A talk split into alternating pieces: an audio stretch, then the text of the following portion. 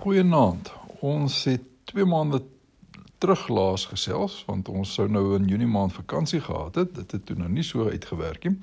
Maar nou is ons weer terug om vanaand by ons 5de deel van hierdie jaar se tema te stil te staan.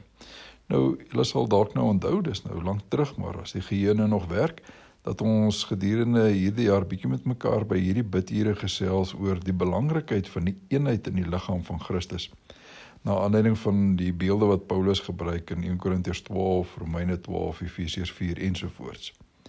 En ons het begin heel in die begin van die jaar om vir mekaar te sê om 'n egte eenheid te vorm, is daar 'n paar baie belangrike sake nodig om van kennis te neem as die lede van Christus. So het ons begin byvoorbeeld die eerste keer om te sê dat lede van die liggaam van Christus is toegewy aan mekaar. Toe het ons vir mekaar gesê lede van die liggaam van Christus respekteer mekaar, is nederig en ag altyd die ander een hoër as homself. Derde keer het ons mekaar gesê lede van die liggaam van Christus leef met 'n Christusgesindheid teenoor mekaar. Verlede keer het ons stil gestaan by die gedagte van lede van die liggaam van Christus aanvaar mekaar in Christus. Nou vandag staan ons by die vyfde saak stil, naamlik lede van die liggaam van Christus help mekaar om reg te lewe. En dit vind ons baie duidelik in Romeine 15 vers 14. Kom ons hoor hoe sê die boodskap dit. My broers en susters, ek weet van al julle goeie eienskappe. Julle is toegewyde mense. Julle het ook baie kennis oor God. Boonop help julle mekaar om te leef soos wat God dit wil. Nou hierdie gedagte van om mekaar te help soos om te leef soos God dit wil word in die Grieks met een woordjie weergegee naamlik nou thetio. Nou, dis 'n woord wat nogals op 'n paar maniere vertaal kan word. Die 53 het byvoorbeeld die woord vermaan gekies, vermaan mekaar. Die nuwe lewende vertaling praat van om mekaar te onderrig. Die 83 vertaling praat van om mekaar reg te help. Van die Engelse vertalings gebruik die woord correct of instruct. Maar jy hoor in al hierdie woorde dat dit gaan oor meer as net 'n gewone gesprek waarin ek hoor hoe gaan dit met die ander persoon. Dit gaan hier oor spesifieke onderrig en rigting gee om reg te leef of soos wat die boodskap dit reg weergee om te leef soos God dit wil hê. Nou hierdie is waarskynlik een van die moeilikste take wat ons het om onderling toe te pas nie waar nie. Omdat ons almal maar gebroke is en vol sonde is, voel ons soms om ander wat verkeerd leef en God se naam oneer aandoen, nie altyd reg te help of te reg te wys nie.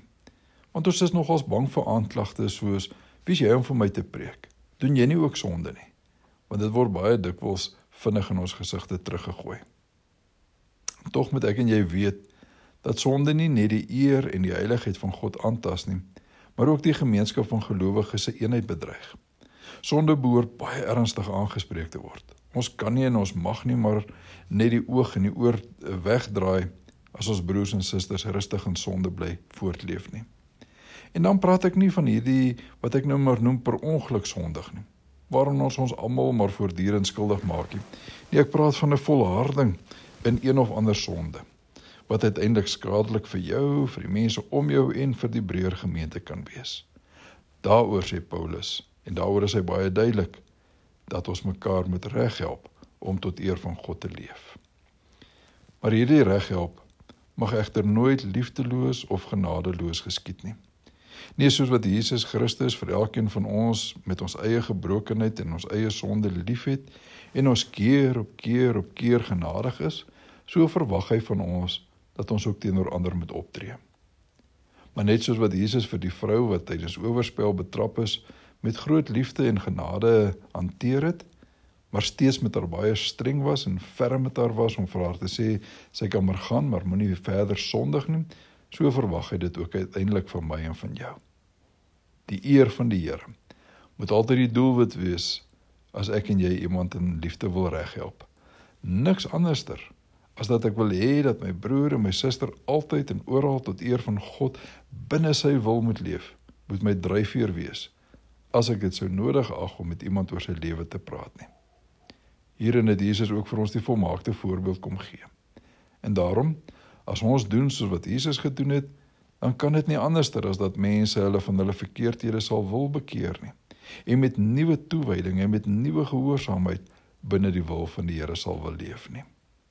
Dan mag Kronewil Noord altyd mense wees wat bereid is om mekaar te help om te leef soos wat God dit wil hê. As jy meer oor hierdie onderwerp wil gaan lees, gaan lees gerus die gedeeltes in Matteus 7, Matteus 18, 1 Timoteus 4 en Kolossense 3. Kom ons bid vanaand spesifiek dat ons binne God se wil sal lewe. Dat ons mekaar sal help om dit reg te kry sou ons daarmee sukkel. Kom ons bid vanaand in die besonder steeds vir COVID-19 en sy gevolge op ons mense, op ons ekonomie, op ons skole, ons universiteit, ons hele lewe. Ons weet in hierdie afgelope paar dae is 'n paar mense aan COVID dood hier rondom ons. Ehm um, daar's heel wat mense wat positief getoets is. Kom ons bid in die besonder daarvoor. Kom ons bid ook vir ons gemeente, vir ons finansies, Ons bid vir die welwese van ons mense in ons gemeente dat die, dat hulle emosioneel sterk sal bly en dat uh, hierdie goeders uiteindelik nie vir hulle sal onderkry nie. Ons weet daar's ook 'n klompie van ons lidmate wat andersins siek is, wat in die hospitaal is, wat operasies ondergaan het, wat geliefdes in die dood afgestaan het. En kom ons vra dat die Here al hierdie mense in die holte van sy hand sal vashou, sal versorg, sal vertroos en sal versterk. Mag die Here vir jou seën met 'n mooi week vorentoe en mag jy tot eer van sy naam lewe. Mag jy binne sy wil leef soos wat Paulus hier in Romeine 15 vir ons sê. Kom ons help mekaar ook daarmee tot eer van sy naam.